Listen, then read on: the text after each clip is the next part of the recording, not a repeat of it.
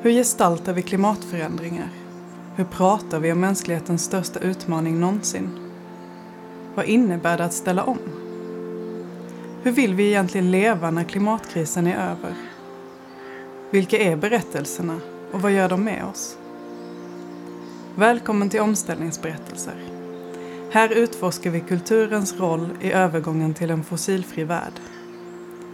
Genom vår podcast låter vi konstnärer komma till tals i samtal med forskare, omställare, beslutsfattare och andra konstnärer om hur vi kan besvara de här stora frågorna. I det här avsnittet möter poeten och författaren Mats Söderlund konstnären Caroline Mårtensson i ett samtal om vad det innebär att vara aktivist genom sitt konstnärskap och behovet av att stanna i problematiska frågeställningar snarare än att ge enkla svar och att det är just detta konsten är så bra på.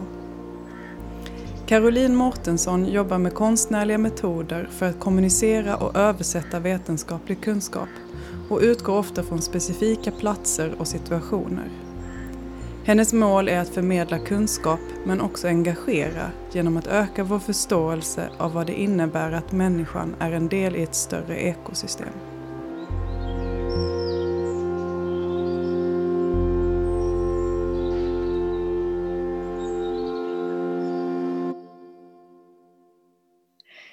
Ja, eh, hur baserar man en konstnärlig praktik i vetenskap? Eh, det vet jag inte riktigt hur jag ska svara på men, men jag har liksom ett, eh, ett intresse i att förmedla eh, kunskap eh, mm. kring den forskning som bedrivs så att säga och tänker att konstnärliga metoder kan vara ett sätt då att arbeta kring. Jag har jobbat med miljöfrågor på olika sätt egentligen genom hela Eh, den tid som jag har varit verksam. Och det kanske börjar mer som en slags, eh, kan man säga, ett skildrande av eh, förhållandet mellan människa och natur. Och under senare år så har det liksom utvecklats till att handla mer direkt om en slags, att skapa förståelse för ehm, det sammanhang som vi mm. som människor är en del av.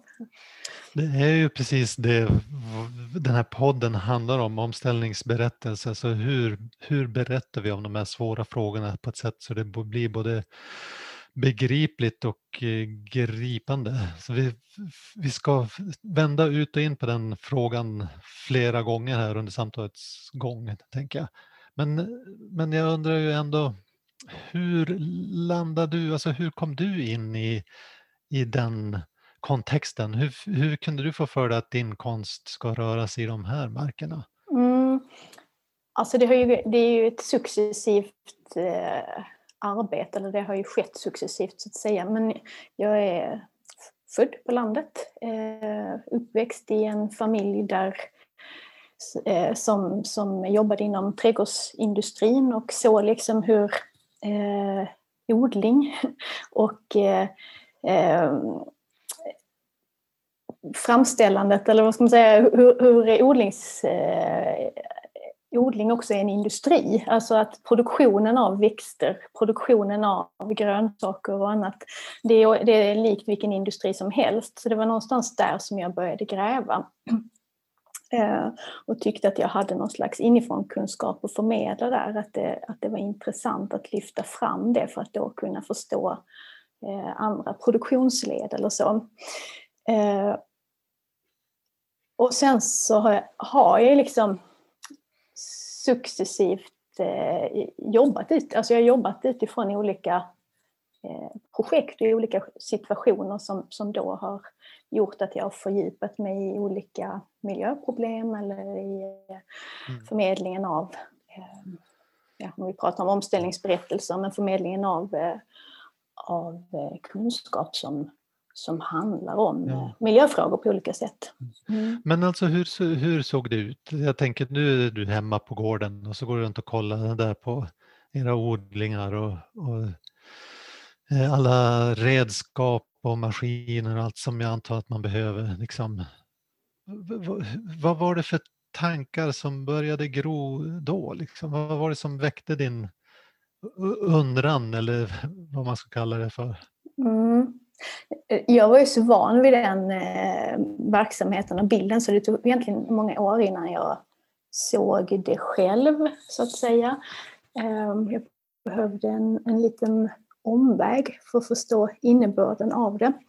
Ehm, men eh, men eh, eh, att, att se liksom svinnet, att se produktionen av någonting som egentligen är till för, alltså, på, på, på gården där jag växte, jag fick liksom se den, jag, jag fick följa det från mm, min farfar och ehm, eller mina farföräldrar de började liksom med en mer varierad odling eh, av nyttoväxter på olika sätt. En sådan form av odling som man kunde bedriva tidigare så att säga. Och sen fick jag liksom se hur den successivt utvecklades till att bli mycket smalare.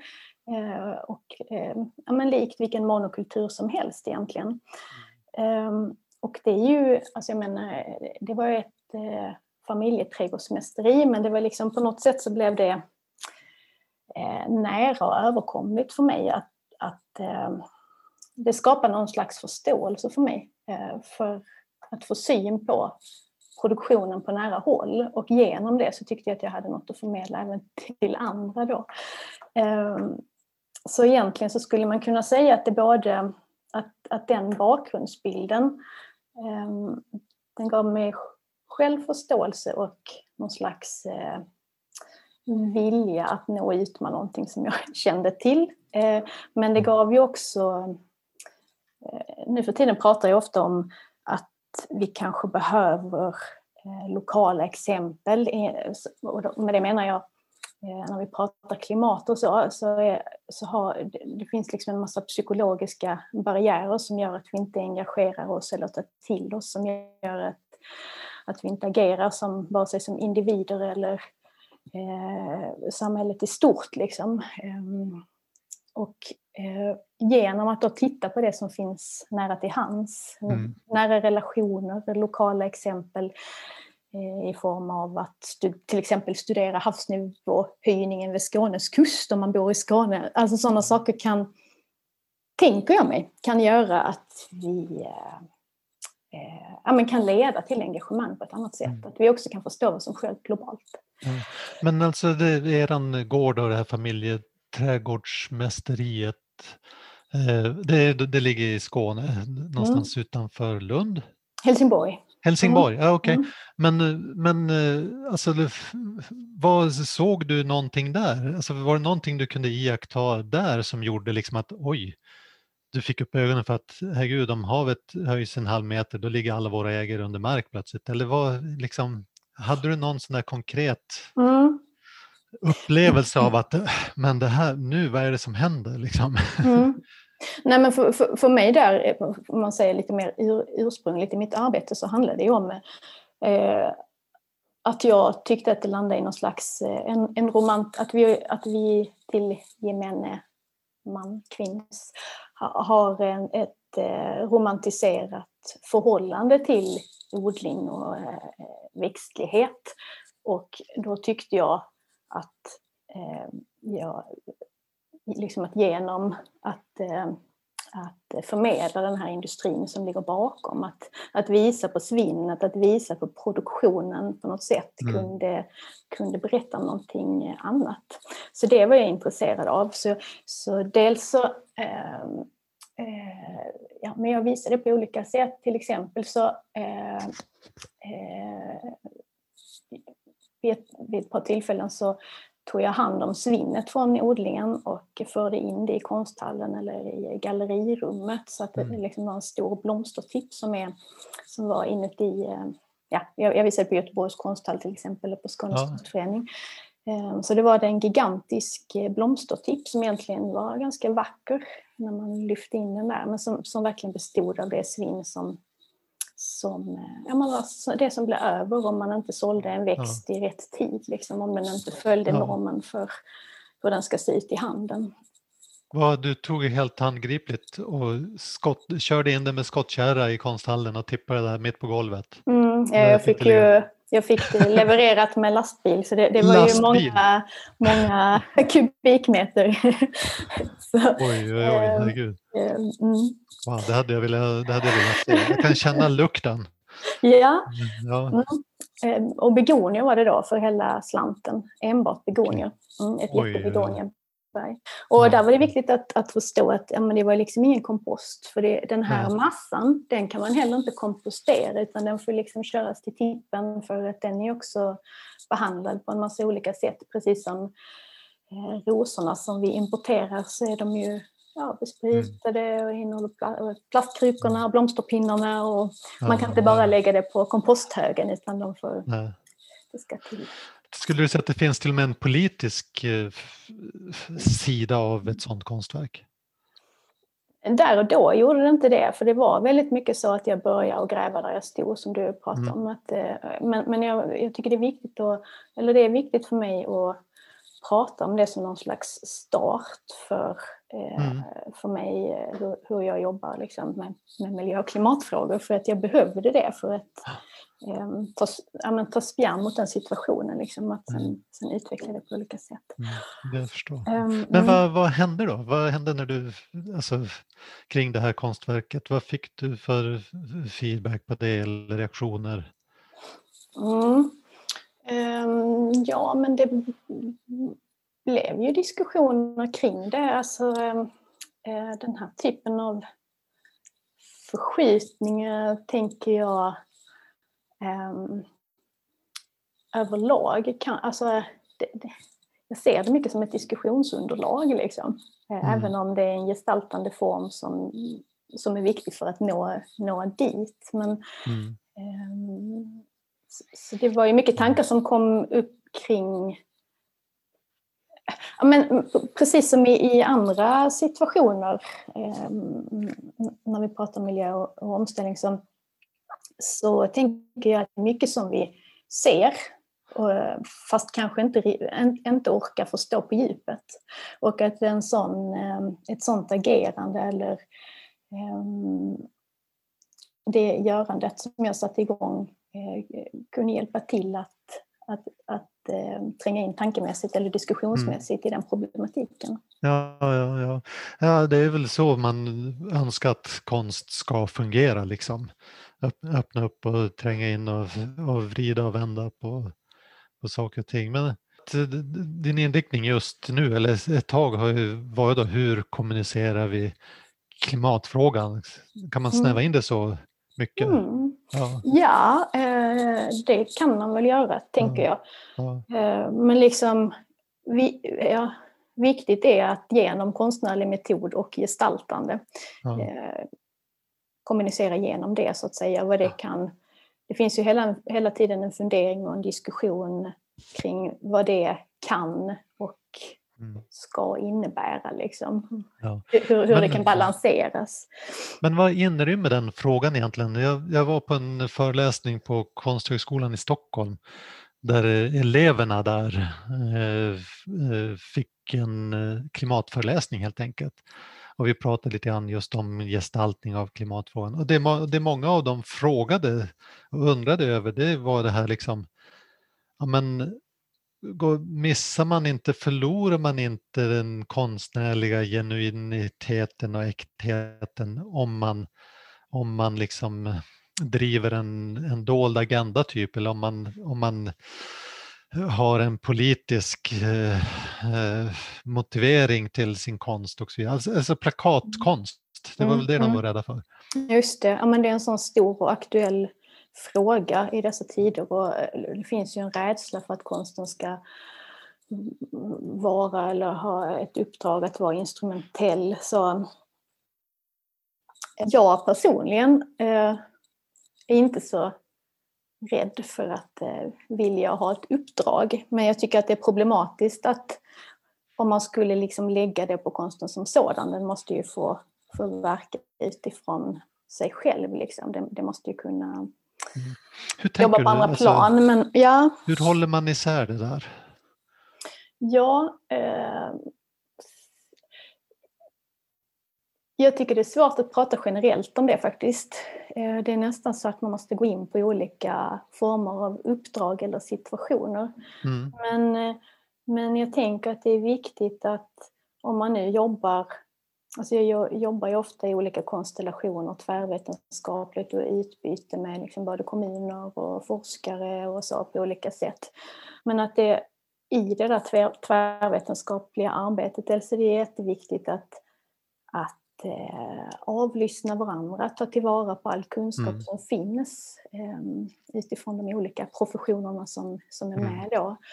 Eh, sätta sig in i varandras metoder och eh, på så sätt så kan man liksom både, både jobba tvärvetenskapligt men också få syn på hur, hur vi kan bidra från olika håll. Liksom. För, för det, där finns också en sån, när man, när man liksom, det är så lätt att som konstnär sitta och hålla, hålla på sitt, men jag tänker också att om man, om man vill jobba i de här sammanhangen så måste vi också eh, hålla en öppenhet mot dem vi samverkar med. Liksom. Så att, mm. att, att inte bara gå in och plocka som konstnär utan att det faktiskt måste ske i någon slags utbyte. Ja. Får man ett, ett, ännu större ansvar att, man, att det man jobbar med också förmedlas på ett eh, sant sätt?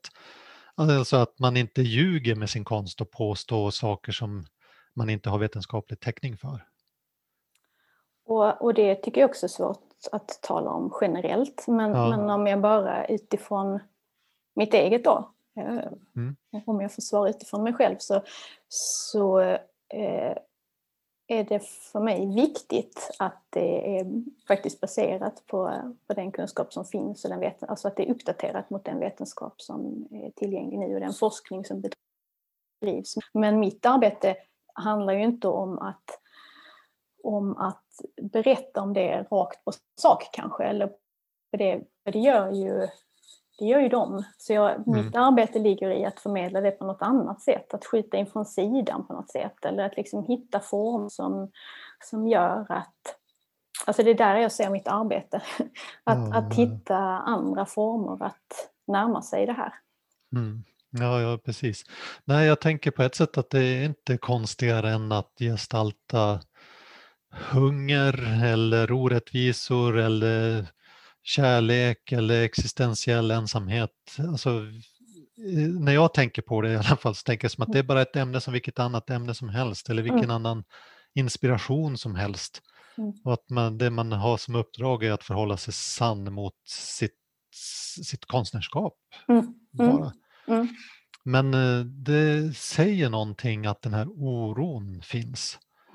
Jag vet inte riktigt vad, men du sa det här ordet instrumentalisering och det har ju varit en sån konst och kulturpolitisk debatt som har funnits ganska länge. Liksom. Att konsten måste vara helt fri.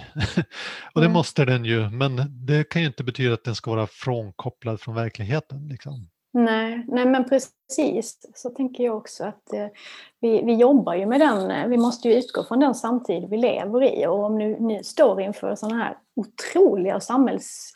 Alltså en sån enorm omställning eh, så måste vi få jobba med det som konstnärer. Och, mm. eh, eller självklart, det verkar ju jättekonstigt. Sen säger jag inte att alla ska gå in och jobba, jobba utifrån de frågeställningarna eller den problematiken. Eh, inte att man kan liksom få det i uppdrag på det viset, men om man har de intressena så självklart. Ja, men vad är det, vad är det konsten kan tillföra då? Alltså om du... Oj! Nu råkar jag rycka ur sladden till datorn. Eh, jo, alltså vad är det konsten kan tillföra? Jag, nu föreställer jag mig att nu har du pluggat miljövetenskap och du har pluggat konstnärliga metoder. Du har en lång liksom, karriär som konstnär, du har en inarbetad praktik. Eh, och du har säkert läst på ännu mer liksom, kring klimatfrågan och sådär.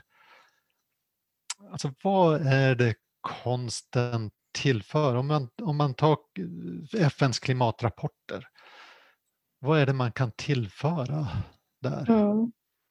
Ja, vad kan man tillföra? Ehm, jag tänker att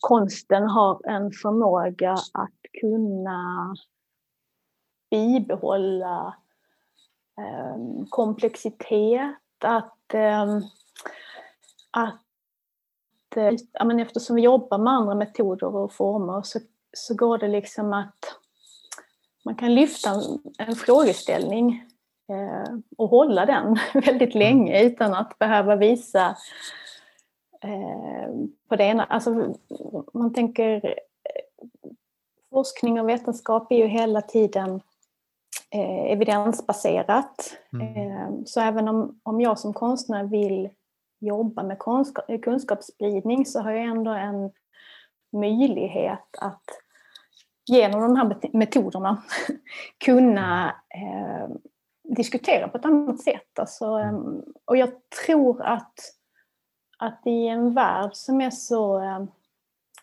vi lever i ett så eh, eh, polariserat samhälle där, där det ska finnas enkla lösningar och svar på allting.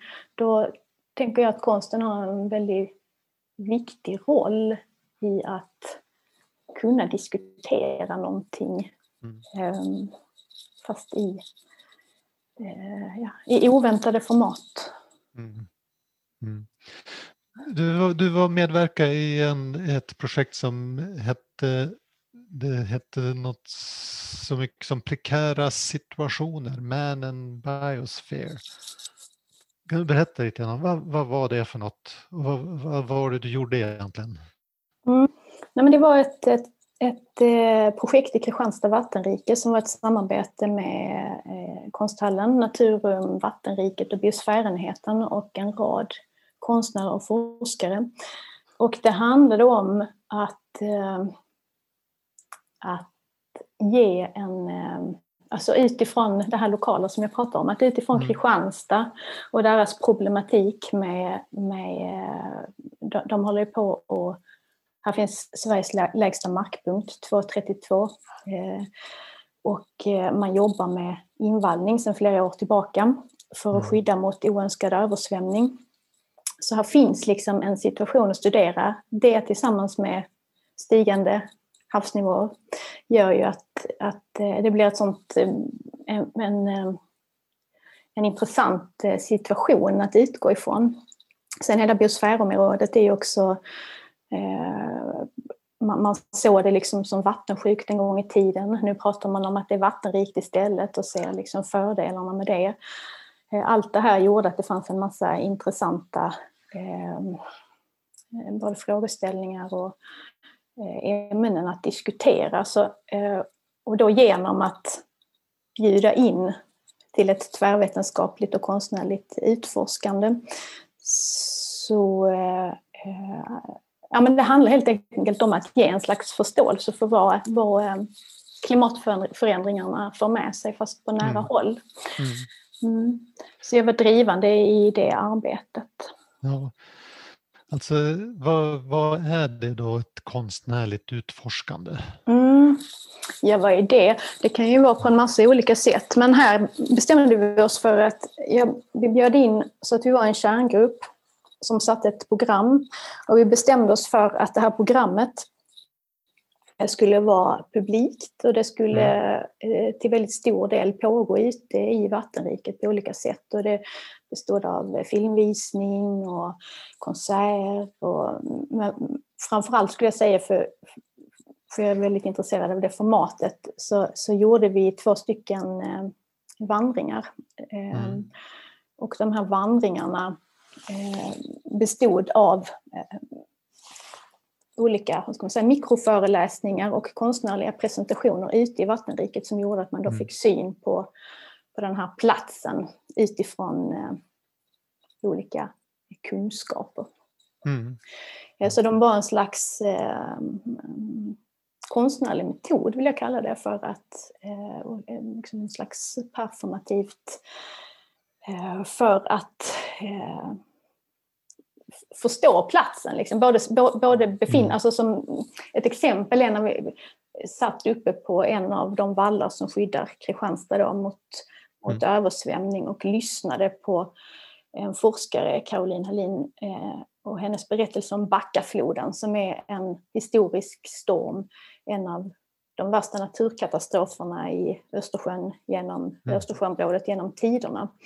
Eh, och då, eh, redan då så stod havet 2,4 meter in över Falsterbron. Näset. Ja. Och det är ju väldigt nära de tre meter scenarion som man pratar om nu eh, ja. när kommunerna planerar. Så liksom att få någon sån direkt koppling. Mm. Um, så som mm. konstnär så, så, så, tänker jag där, den gestaltande biten är en sak. Det tvärvetenskapliga liksom försöket att hålla olika tankegångar eh, och utbyten igång. Eh, men det handlar liksom också om att ja, men att, att, att, eh, att arbeta kunskaps... Eh, vad ska man säga? Eller övergripande med någon slags ehm, eh, för, förskjutningar eller... Mm. Mm. Ja, jag grubblar jättemycket på det, på det där, naturligtvis. Alltså vad tusan är det man håller på med egentligen? Ja.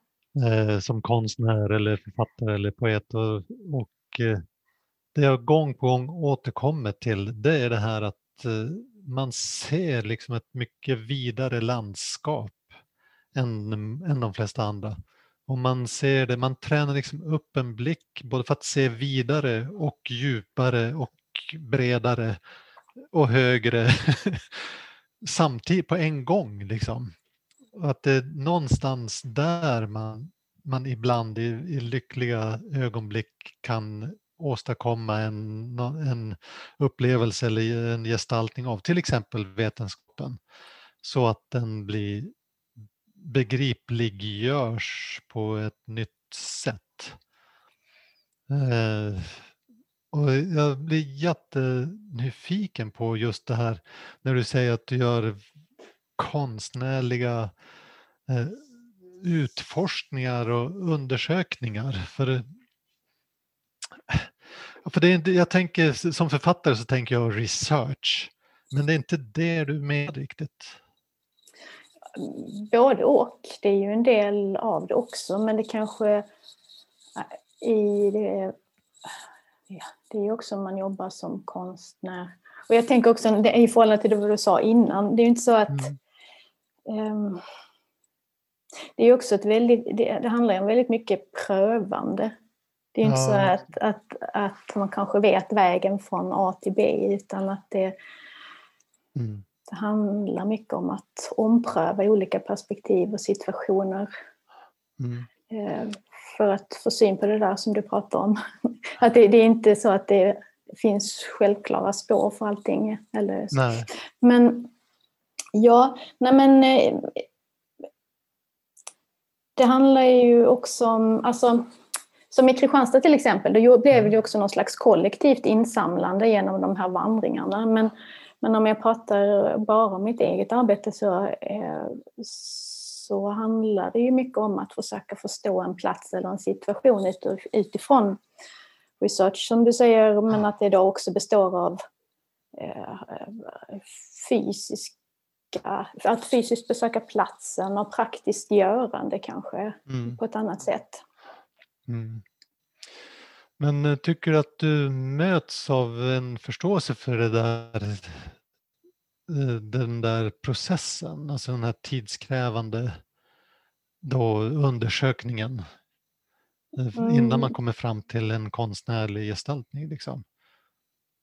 Ja, men både och. Jag tyckte att det har varit lite besvärligt eh, tidigare. Men det känns som att det börjar som det finns en lite annan förståelse för, för det arbetet nu. Eller att de här, eh, mm. Det är allt fler som jobbar mer processbaserat och att det kanske inte mm. alltid handlar om att, eh, att det ska stå ett konstverk där i slutänden utan att det faktiskt process som kan... Mm. Att det är en del av konsten också. Vad som kan hända ja, i de visst. olika momenten. Eh, och det är en utveckling som, som är... Ja, men det, det, det händer mycket sånt nu, tänker jag. Att det, att det också uppstår... Eh, eh, eller det finns en efterfrågan på ett annat sätt i förhållande till den typen av arbete nu. Mm. Det gjorde mm. det inte alls innan faktiskt. Nej. Det var svårt att hinna med att göra det. Ja, ja. Ja, det är intressant det också, hur det kommer sig att den efterfrågan ökar eh, just nu. Men du har gjort ganska många sådana här uppdrag och eh, jätteintressanta de som ligger på din hemsida. Jag har förstås varit inne och, och, jämf- och kollat på dem och, och så här. Men jag undrar också hur, alltså de här uppdragen, hur förhåller de sig till din, liksom, om man kan säga, din egna konst? om det nu är någon, ens någon skillnad. Jag antar att det är någon slags glidande övergång emellan där. Men, men känner du att, eh, att eh, de påverkar, på vilket sätt påverkar de varandra? Mm. Jag frågar så. Ja, absolut. Eh, nej men, eh, jag delar nog inte upp det längre på det viset utan eh, jag eh, har bara uppdrag där jag kan få in eh, det som jag tycker är viktigt att jobba med. Mm. Så, så, det måste liksom beröra, jag måste kunna se att att jag kan göra en koppling mot de målen jag mm. har så att säga. Mm. Ehm, så, så, jag skiljer inte riktigt på det. Eh, ett exempel som jag har gjort eller avslutat alldeles nyligen ja. och som när du nu frågar om ehm, liksom de mer processbaserade och hur efterfrågan eh, av den typen av eh, metoder och projekt så, så gjorde jag ett, en konstnärlig utredning för Älmhults kommun mm. och eh, Statens konstråd, kunskapsnav offentlig konst förra året eh, Eh, som handlade om och berörde södra Möcken, ett område som eh, ska utvecklas, man bygga fler bostäder och då tog de in, eh, då ville de ha en konstnär som studerade i, i ett tidigt skede, så det var liksom i utbyte och i dialog med planeringsgruppen.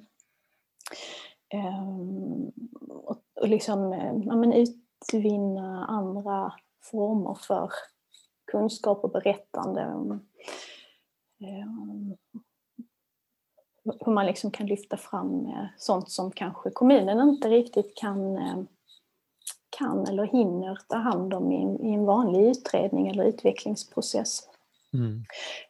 Nu, nu, fick jag uppdraget eller det var liksom knutet till vad jag jobbat med innan så att de visste ju att jag skulle jobba med miljöfrågor på ett eller annat sätt. Liksom. Mm. Um, men, ehm, men, och då, men då var det upplagt så, så att eh, jo, alltså då, då var det här process, eh, det efterforskande arbetet eller den långa processen, den, jag, den var som ett eget uppdrag. Och sen så gjorde jag, fick jag göra som en del två, ett temporärt verk, men som jag egentligen hade mycket mindre tid på. Och egentligen passade det mig helt perfekt för att det är ju det där förebyggande arbetet, eller vad man ska säga, det där utforskandet av platsen, att lära känna den, att förstå vad det handlar om och försöka liksom plocka upp det och agera som någon slags katalysator för att äh, möta upp och eh, diskutera någonting. Det tar ju oerhört lång tid. Mm. Eh, och det var så fint att det faktiskt fick göra det i det här fallet och sen så eh, fick jag samla ihop och göra någonting mindre som ett efterföljande temporärt verk. Mm, jag fattar. Mm. Men eh, vad, vad uppfattade de som resultatet då? Alltså, mm. vad, vad, vad, tycker du resultatet blev och vad uppfattade de, om det nu skiljer sig?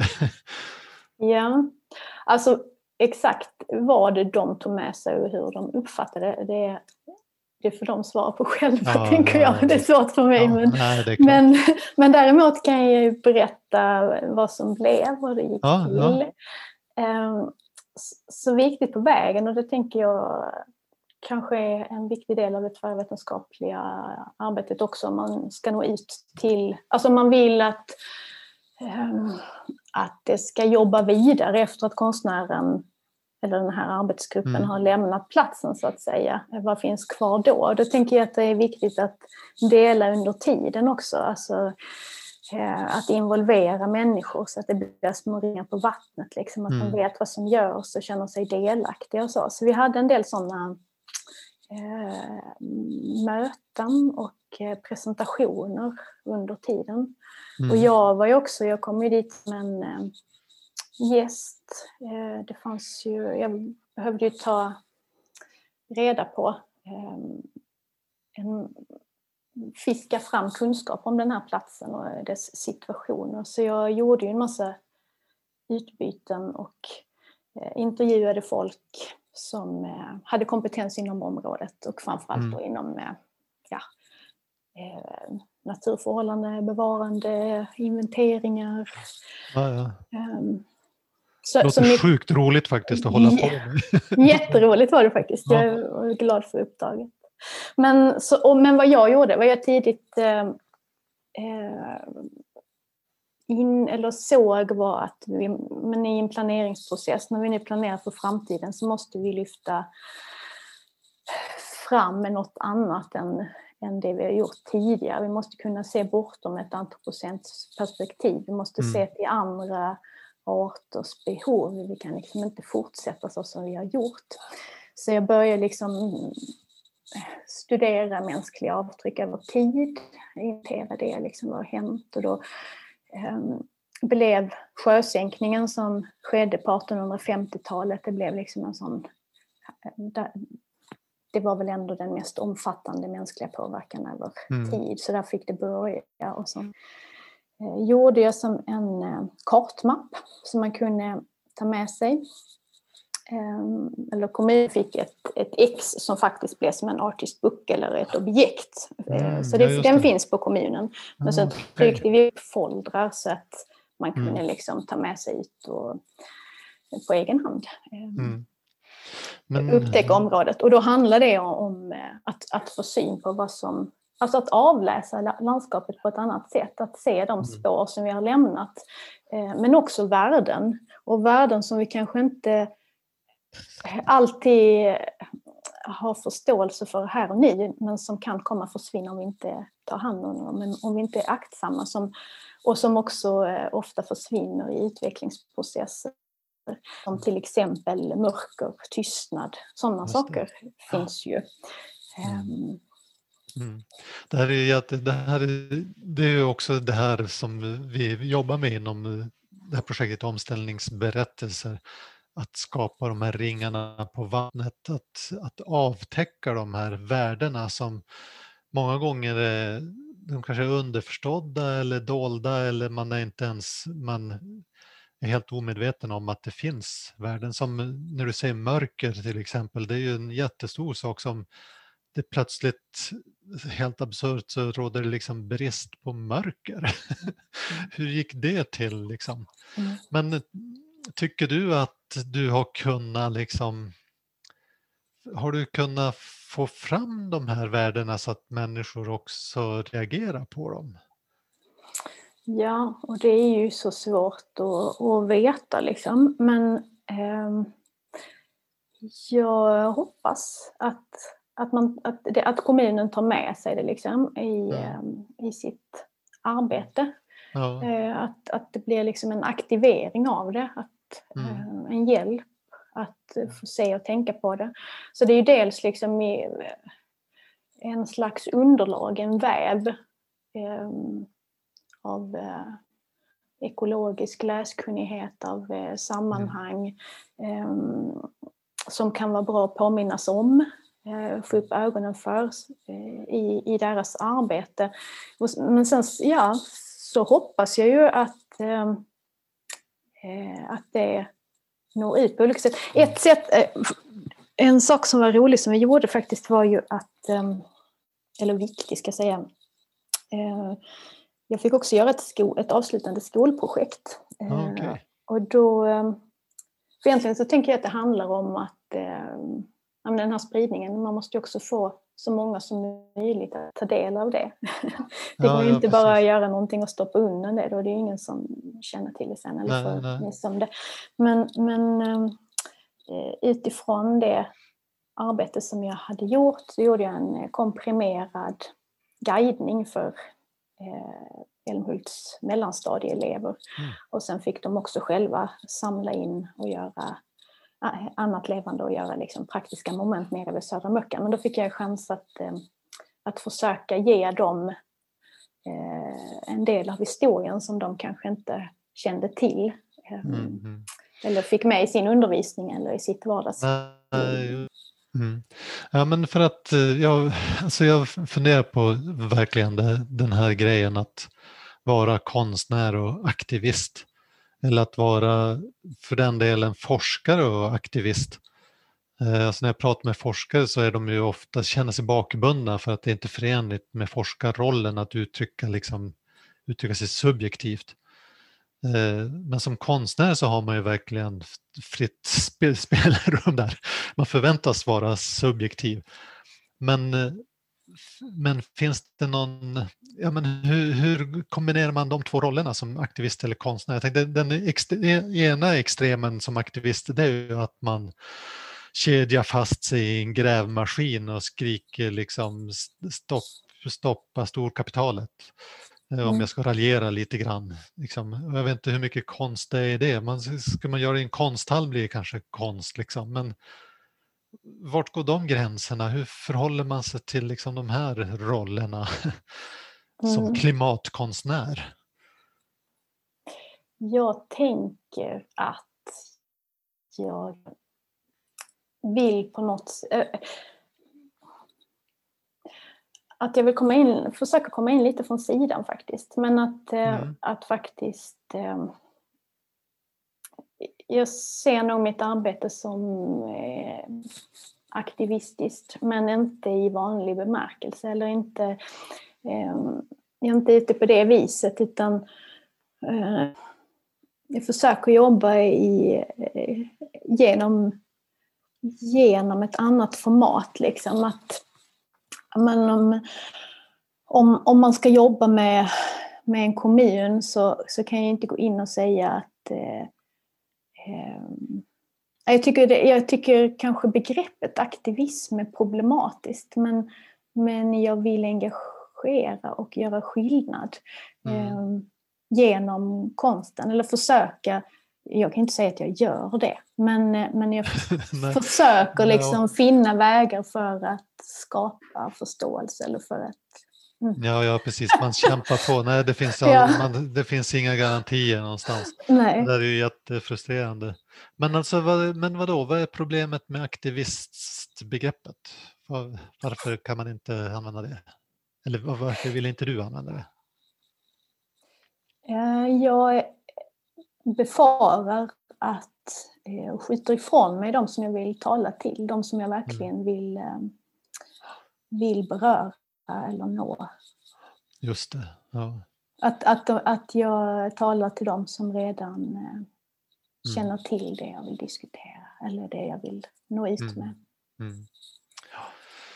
Ja, vi börjar på närma oss någon slags eh, kärna, i alla fall i min frustration. Det här han vill å ena sidan ställa sig upp och skrika och bara mm. stoppa mm. förbränningen av fossila bränslen. Liksom. Mm. Men samtidigt vet man att gör jag det så är det ingen som hör. Nej. Och hur tusan, hur åstadkommer man den här förändringen som man så desperat behöver? Liksom? Ja, det är oerhört frustrerande helt eh, och eh, så obegripligt att vi inte kan agera snabbare. Mm. Vår, förra, vår första och vår förra podd så pratade vi med skådespelaren Jakob Hultkrantz Hansson som är regissör och också dramatiker. Han pratade om det här att vi måste väcka känslor för att engagera. Och sen sa han, han hade några tankar också, jag kommer inte ihåg var han hämtade upp det ifrån, men att om vi vill dessutom engagera och inspirera till handling så måste vi väcka ilska. Eller att det i alla fall är den, det känsloläge som rymmer mest handlingskraft. Liksom. Eh, tänker du så någonsin att nu med det här konstverket så vill jag väcka den här känslan eller som, jag vet du var med i något projekt inom det här eh, projekt på Lunds universitet eh, som heter uh, Climaginaries. Carbon Ruins. Carbon Ruins, mm. ja. Alltså, fanns det med i de tankarna att om, om publiken får möta det här då kommer de att bli så arga så att de kommer direkt att gå med i Greenpeace eller något? Ja, men I det projektet så tror jag snarare, alltså det, det var ju ett kollektivt arbete. Ehm, mm. Av oss. Och där tror jag snarare det handlar om motsatsen, att, eh, att inte få folk eh, för eh, upprörda för att risken finns att man vänder sig bort då istället. Mm. Utan att eh, snarare visa på, på, på, eh, på något oväntat. Alltså där här tog vi ju grepp, eh, greppet att vi, att vi befann oss redan i framtiden och blickade tillbaka och såg den omst hur omställningen hade gått till. Mm. Och den förskjutningen i, i tid och liksom Ehm, det var väldigt intressant att se vad det, vad det gjorde med eh, publiken eller besökarna. Att, att det mm. kändes som att, ehm, att de var beredda på att lyssna på de här olika alternativen. Och, mm. Ehm, som ju vi avgör. Beror, alltså, hur, hur vi eh, greppar de dilemman vi står inför nu avgör ju var, var vi står 2015. Men, men men du har ingen sån här, du har inte någon sån här hemlig önskan att skapa ett verk som provocerar eh, allmänheten till revolution? Nej, jag tror inte på, eh, på den provokationen faktiskt. Um, utan, eh, nej, vi, vi behöver snarare hålla ihop, tänker jag, om vi ska lösa det här. Mm. Så skapa förståelse och se varandra um, är nog det jag tror på. Mm. Möta upp med någon slags ödmjukhet istället. Vi hoppas ju, vi vill ju då med omställningsberättelse också inspirera andra konstnärer och berättare och, och forskare och aktivister att, att liksom ta den här gestaltningen av klimatproblematiken och omställningsprocesserna vidare. Liksom. Men utifrån din erfarenhet då, efter att ändå ha jobbat så många år med just med exakt den kärnfrågan. Liksom. Har du någon, någon lärdom eller något, något tips om så att ja, men det här, den här metoden funkar eller den här frågan har hjälpt mig eller har du något tips till, till andra? Um, då tänker jag att, det är folk som jobbar på alla möjliga vis. Så det är svårt att bara ge ett tips på det viset, ja. tycker jag. Utan då skulle det snarare vara liksom utifrån någon slags inriktning eller eh, ja, men andra som är intresserade av att jobba mm. Liksom, om man, är, om man är nyexad konstnär och håller på att gå upp i limningen för att världen brinner upp, vad ska man mm. göra då? ja, vad ska man göra då? Jag, jag vet inte, men kräver där man står. Nej men, ja, ja, nej, men faktiskt gå på det som man är intresserad av på riktigt, tror jag. Ja. Och inte, inte jobba med det som, som en tror förväntas av en, utan faktiskt följa sin magkänsla och göra det hela vägen ut, för det är då det kan liksom engagera andra också, inbillar jag mig. Om man mm. verkligen går in i något helhjärtat. Mm. Det låter som ett väldigt bra råd att jobba med magkänslan och gå in helhjärtat i, i det arbetet. Jag tycker att det känns som en bra punkt att sluta Caroline. Tack så himla mycket för det här samtalet. Jag kommer att behöva bearbeta det några dagar för att landa ordentligt men det var jättekul att mötas och höra dig berätta om din konstnärliga praktik. Tack ska du ha.